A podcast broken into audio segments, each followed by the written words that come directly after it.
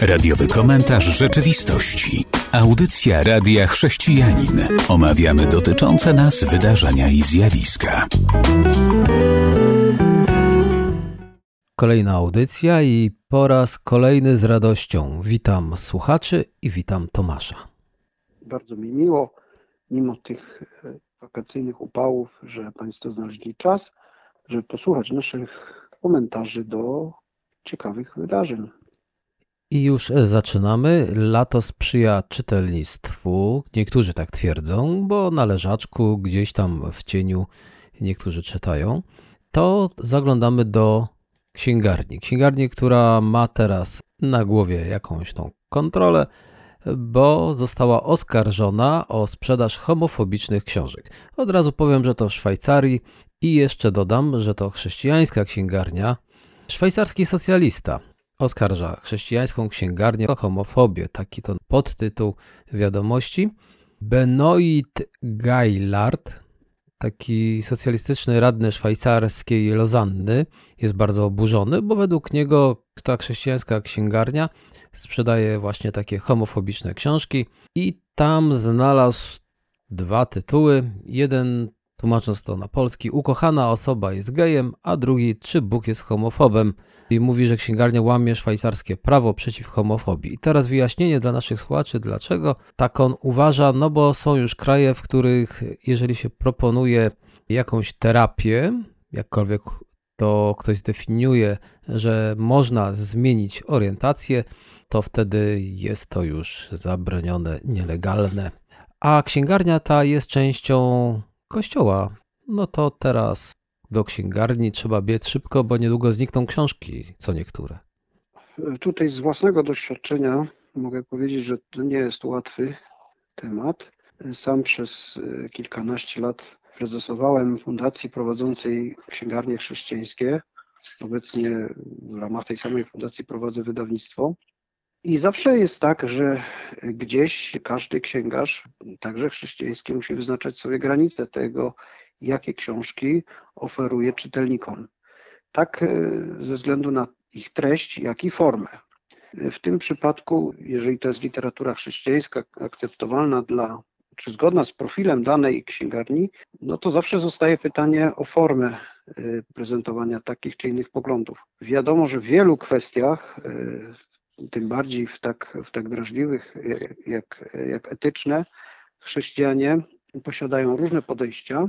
I no, nic dziwnego, że na półkach chrześcijańskich księgar znajdziemy pozycje, które daną kwestię, dany problem omawiają z różnych punktów widzenia, ale przynajmniej my mieliśmy taką politykę, staraliśmy się unikać umieszczania na półkach pozycji, które w, w swojej formie przekazu były niedopuszczalne, czy były agresywne, czy dyskredytowały y, posiadaczy innego podejścia, bo oczywiście w danym państwie, y, w danym społeczeństwie różne może być podejście, czy daleko odmienne na przykład od takiego czy innego chrześcijańskiego podejścia do danej kwestii. No w tym przypadku mamy, mamy kwestię y, LGBT, podejścia do, do kwestii homoseksualnych. Y, rozumiem, że, że tam y, kwestią była, była sprawa dopuszczania do małżeństw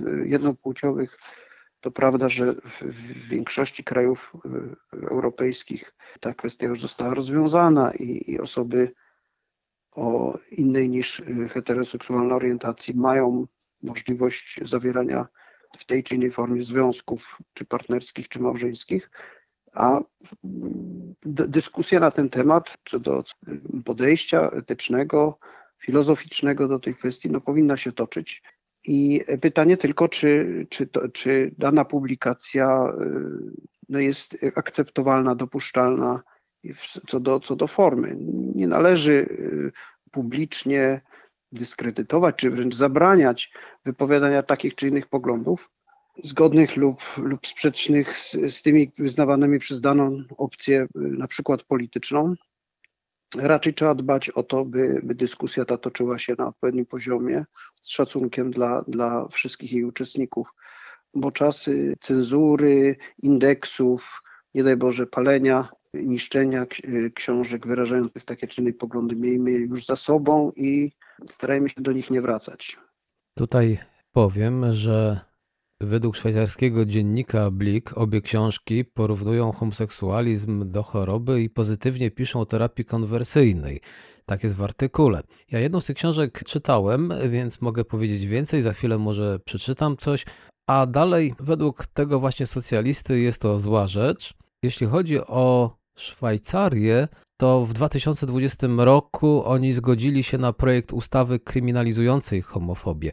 Tylko, że dla nich homofobia to jest również to, że ktoś powie, może nie dla wszystkich, ale dla wielu, że związek mężczyzny i kobiety to tylko ten jest właściwy i to już jest uznane za homofobię. I tu z tego artykułu wynika, że ten drugi problem, który poruszył ten, któremu się nie podobały te książki, to było to, że w tych pozycjach książkowych jest informacja, że można oczywiście poddać się jakiejś terapii. Używam tego sformułowania, żeby zmienić orientację. A teraz, jeśli chodzi o książkę Czy Bóg jest homofobem, która jest również do kupienia w Polsce, można kupić i przeczytać, i wtedy samemu ocenić, czy to jest taka straszna pozycja książkowa. Ale faktycznie jest tutaj podrozdział, który mówi, że, ale w jaki sposób to mówi, też jest istotne. Nie musimy tworzyć odrębnych struktur opieki duszpasterskiej dla zmagających się z pociągiem do osób tej samej płci, ale opieka ta musi być widoczna.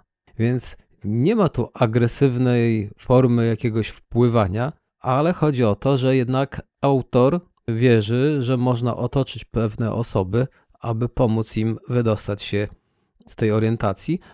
A drugi fragment, który gdzieś mi umknął, mówił o tym, że mamy podchodzić do różnych problemów w ten sam sposób, aby ludziom pomagać, i problem homoseksualizmu nie jest jakiś bardzo mocno szczególny, aby go piętnować. Są jeszcze inne problemy, które chrześcijanie mają, oczywiście, jeśli chodzi o grzech, więc generalnie nie jest to taka książka straszna, ale być może w Szwajcarii to już tak.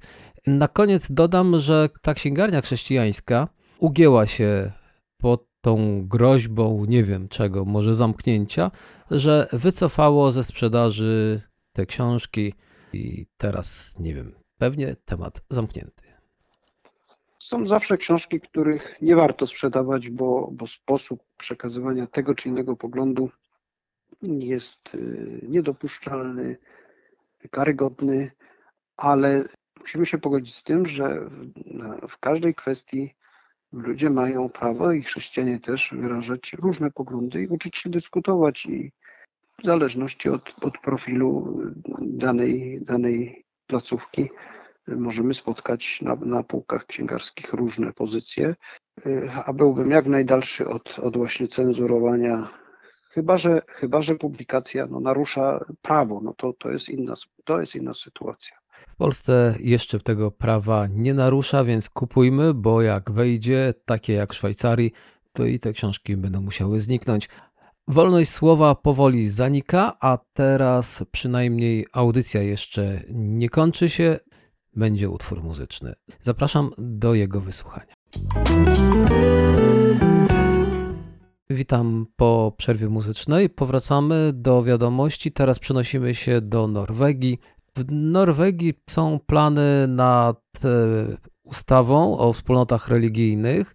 Pani minister Kiersti Tope, która odpowiedzialna jest za politykę związaną z religią w tymże to kraju, coś nam tutaj prezentuje i propozycja jedna z nich dotyczy tego, aby co najmniej 40% było kobiet i 40% mężczyzn. Jeśli chodzi o zarządy tych to organizacji religijnych czy kościołów, albo drobny wyjątek, dlatego że jeszcze to są propozycje, aby mogli zadeklarować, że te wspólnoty religijne robią wszystko, aby osiągnąć ten 40% udział kobiet i mężczyzn na wszystkich poziomach. I teraz problem pojawia się zapewne, jak to będzie z tym parytetem w kościołach. Idea dowartościowania kobiet, które przez e, wieki y, w różnych kulturach, nie wyłączając tego naszej europejskiej kultury opartej na wartościach chrześcijańskich, były, do, były obecne, były dowartościowane, zarabiały tak samo jak mężczyźni i tak dalej. Jest, ta idea jest jak najbardziej słuszna i trzeba robić wszystko poprzez edukację, poprzez być może też gwarantowanie jakichś minimum tutaj wymagań, by, by tak się działo, to jednak z samym parytetowaniem we wszystkich dziedzinach życia jest pewien kłopot, ponieważ w różnego rodzaju gremiach, organizacjach, zarządach tak dalej, i tak dalej, częstokroć chodzi przecież o kompetencje, a nie o, o płeć. I tutaj e, kraje skandynawskie, które trzeba pamiętać, że oparte są na modelu e, silnego państwa, to się bierze z, e, głęboko, z, z, szczególnie w relacjach z państwo-kościół, z faktu, że od czasów reformacji dominują w tych, w tych społeczeństwach, dominuje lutranizm, który ma model relacji państwo-kościół historycznie oparty na, na dominacji państwa i państwa, które, które jako to świeckie ramię Kościoła y, protektorem, państwo, które dba, ochrania, no i też ingeruje. Stąd y, kościoły luterańskie w wielu tych, z, tych, z tych państw są, a przynajmniej były do niedawna mm, religią państwową. No i te, i te pokusy y, widać, tutaj państwo chciałoby ustawiać wewnętrzne życie wspólnot religijnych. Nie wiem, czy to jest najszczęśliwsze, E, bo, bo to powinno wynikać oczywiście ten mechanizm dowartościowania kobiet, czy niedyskryminowania żadnej płci powinien być obecny, powinien być promowany, ale czy takimi metodami? Nie wiem, czy parytet. Na siłę potem będziemy szukać kogoś, kto dlatego, że ma taką płeć, a pytanie o jego kompetencje do danej posługi w kościele, do, do danej funkcji w takim czy innym gremium. To, to tak samo y, tyczy się kwestii nie wiem, składu y, rządów, ilości parlamentarzystów. W czasach jeszcze przedparytetowych w pewnej partii politycznej, w której działałem, w kilku okręgach wyborczych, tak się złożyło, że, że to kobiety otwierały listy tej partii i na ośmiu parlamentarzystów wyborcy wybrali aż pięć kobiet z różnych miejsc a nie było parytetu. Była to kwestia no, kompetencji, aktywności danych osób, także można i bez uregulowań prawnych, ale należy, należy, tak, oczywiście należy dowartościowywać, nie ograniczać, ale kompetencja ponad, ponad kwestię płci. No ja szczególnie ostrożny byłbym w ingerowaniu państwa w życie wspólnot religijnych, bo jest to, jest to bardzo delikatna sfera. Kompetencje ale w kościołach jest jeszcze coś takiego jak powołanie.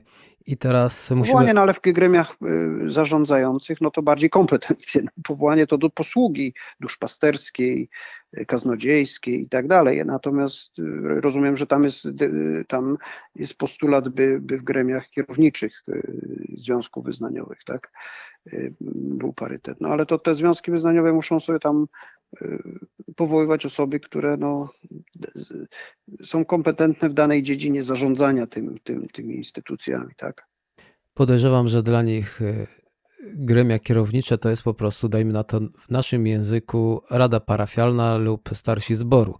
I teraz, jeżeli nie ma powołań, to pojawia się problem, bo musimy wybrać, żeby zachować procenty i bierzemy kogoś, kto nie ma powołania. Tak rząd na to będzie patrzył, ale my jako Kościół patrzymy na powołania, na pragnienia, na, tu na pierwszym miejscu patrzymy na powołanie. Kolejna rzecz, która tutaj jest bardzo dziwna, 40% kobiet, 40% mężczyzn, 20% pewnie zostawiają dla innej grupy. Podejrzewam... Ja myślę, że chodzi o to, że to ma, to ma być granica, nie mniej niż 40%, tak, żeby co najmniej 40% wkładu danego gremium był, byli przedstawiciele tej czy innej płci, tak, żeby ani mężczyzn, ani kobiet nie dyskryminować. To raczej chyba o to chodzi, bo inaczej no to byłoby to dosyć absurdalne. Tak więc utwór muzyczny. Po przerwie i w ostatniej części przeniesiemy się do sąsiada, czyli do Niemiec a informacje podaje za serwisem KAI, czyli Katolicką Agencją Informacyjną. W 2022 roku ponad pół miliona osób ogłosiło swoje odejście z Kościoła katolickiego i to wynika z dokumentu, cytuję, Kościół katolicki w Niemczech dane statystyczne 2022. Zostało to ogłoszone przez niemiecką konferencję biskupów 28 czerwca w Bonn i jak sam serwis określa, tym samym ponownie pobito rekord z poprzedniego roku. Jak więc widać, Kościół katolicki z roku na rok traci rzesze wiernych, ale ten serwis katolicki nie omieszkał również dodać, że prawie 600 tysięcy wiernych stracił również Kościół ewangelicki Niemiec. No w Niemczech te wpływy osób z, z różnych e, związków religijnych można bardzo łatwo śledzić, dlatego że zasada równości wyznań nie kłóci się tam z, z faktem, że są kościoły państwowe, tak niemieckie jak protestanckie w poszczególnych krajach związkowych tego, tego państwa federalnego. I co ciekawsze, jest tam podatek kościelny, czyli każdy, każda przynależność do, do jakiegokolwiek, jakiejkolwiek grupy religijnej wiąże się z tym, że państwo z automatu od, odprowadza część podatku obywatela na rzecz konkretnej organizacji religijnej. Więc y, rezygnacja z tego podatku oznacza automatyczną rezygnację z tożsamiania się z, z, daną, z daną grupą religijną. I tak, tak więc można śledzić y, te dane statystyczne, bo sekularyzacja czy laicyzacja jest naturalnym procesem, szczególnie obecnym w krajach rozwijających się. I gdyby, gdyby w Polsce były inne uregulowania prawne, też byśmy to mogli śledzić w takich konkretnych liczbach, jak w Niemczech. Te kilkuset tysięczne straty dwóch największych organizacji religijnych, Kościół katolicki to obecnie jakieś 20 milionów wiernych, czyli 1 czwarta obywateli Niemiec. EKD, czyli Ewangelicki Kościół Niemiec, to jest taka, taka federacja luterańskich, reformowanych i unijnych kościołów krajowych. To nie są wszyscy protestanci, ale właśnie z tych trzech nurtów kościoły unijne to, to przypomnę, w 1817 roku w państwie pruskim, w królestwie pruskim doprowadzono do Unii, zjednoczenia dwóch, dwóch, dwóch rodzin kościelnych, czyli y, luterańskiej i kalwińskiej, reformowanej. Brało się to między innymi z tego, że rodzina panująca i elity państwa polskiego to byli Kalwini, a Hohenzollernowie właśnie, rodzina panująca, a większość y, zamieszkujących państwo protestantów to byli luteranie i, i przez te lat reformacji powstała ta Unia, która rozszerzyła swoje działanie na wszystkie późniejsze terytoria podległe Prusom. Zdecydowana większość protestantów niemieckich, ale nie wszyscy, znajdują się w tym kościele i ich jest porównywalna ilość, bodajże kilkaset tysięcy mniej niż, niż katolików co stanowi blisko 50% obywateli Niemiec, także chrześcijaństwo w całości, jak doliczymy innych, wyznawców innych e, tradycji protestanckich, czy, czy, czy prawosławnych, czy innych, to, to jest zaledwie niewiele powyżej 5%. Chrześcijanie, jak, jak dodamy katolików, e, członków ewangelickiego kościoła Niemiec, innych protestantów i innych chrześcijan, Y, stanowią niewiele ponad 50% obywateli państwa niemieckiego i dane statystyczne są y, coraz y, mniej optymistyczne dla chrześcijan, bo, bo, bo te odejścia od, od największych kościołów idą właśnie w setki tysięcy. To, to widać właśnie przy, przy podatku kościelnym. Na pewno w przypadku Kościoła katolickiego znaczenie ma też to, o czym zresztą ten dokument y, Episkopatu Katolickiego Niemiec też wspomina, no, że, że coraz więcej katolików jest rozczarowanych y, reakcją Kościoła na, na coraz częściej ujawniane skandale z udziałem y, osób związanych z Kościołem, szczególnie z klerem, czyli, czyli mm, nadużycia seksualne, finansowe itd. Tak to, ale to nie, to nie jedyny powód, no bo, bo, bo ten problem o wiele mniejszym stopniu występuje w środowiskach protestanckich, a porównywalne są te liczby. Po prostu sekularyzacja. Te największe, największe formacje religijne opierające się na, na, na filozofii kościoła ludowego, masowego, do którego przynależy się y, ze względów tradycyjnych, z, z samego faktu urodzenia, one, one, ich dotyka sekularyzacja w największym stopniu. I co za tym idzie, no uralnia się jakby ilość członków y, takich autentycznych, zaangażowanych w danych, danych wspólnotach religijnych, ale, ale społeczeństwo niemieckie wkrótce będzie, będzie miało zdecydowanie mniej chrześcijan niż 50%. Podsumowując ten temat, kilka cytatów. Biskup, przewodniczący konferencji episkopatu Niemiec mówi: Te liczby są alarmujące. Nie możemy i nie będziemy przymykać oczu na to, co się dzieje. A w rozmowie z niemiecką agencją prasową ekspert katolickiego prawa kanonicznego Thomas Schuler powiedział: Kościół katolicki umiera w męczarniach na oczach opinii publicznej. To jego ocena.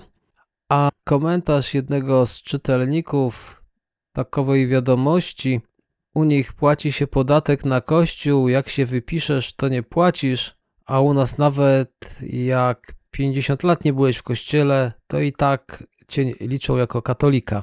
I faktycznie ten człowiek oddaje tutaj to, co ma miejsce. Widzimy te spadki, bo widzimy dane tam są uczciwe, jak sam zaznaczyłeś. Kościoły też zubożeją, możemy to dodać, bo podatki te tam nie trafią w Niemczech, a u nas, a u nas to jak ktoś 50 lat nie zaglądał do kościoła, nadal jest w statystyce.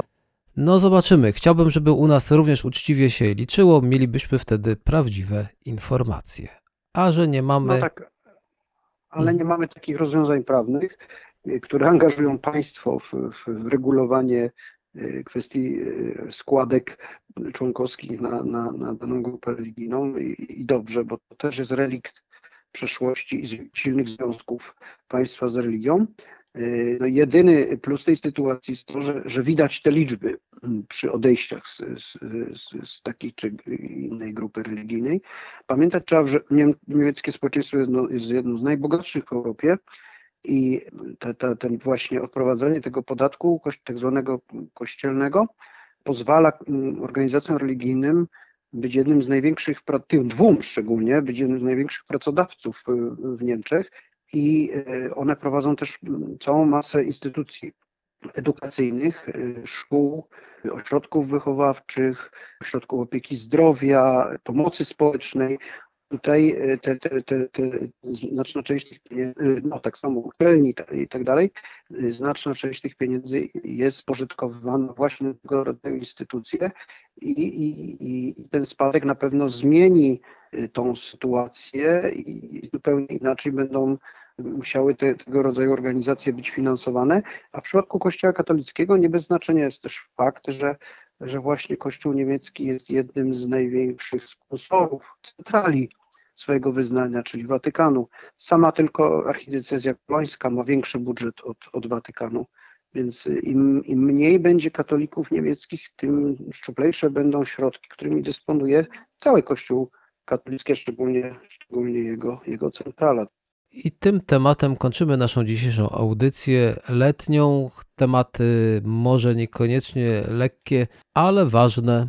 Dziękuję za uwagę. Do usłyszenia. Do usłyszenia. Dziękuję Ci, Robercie, i pozdrawiam Państwa. Był to radiowy komentarz rzeczywistości.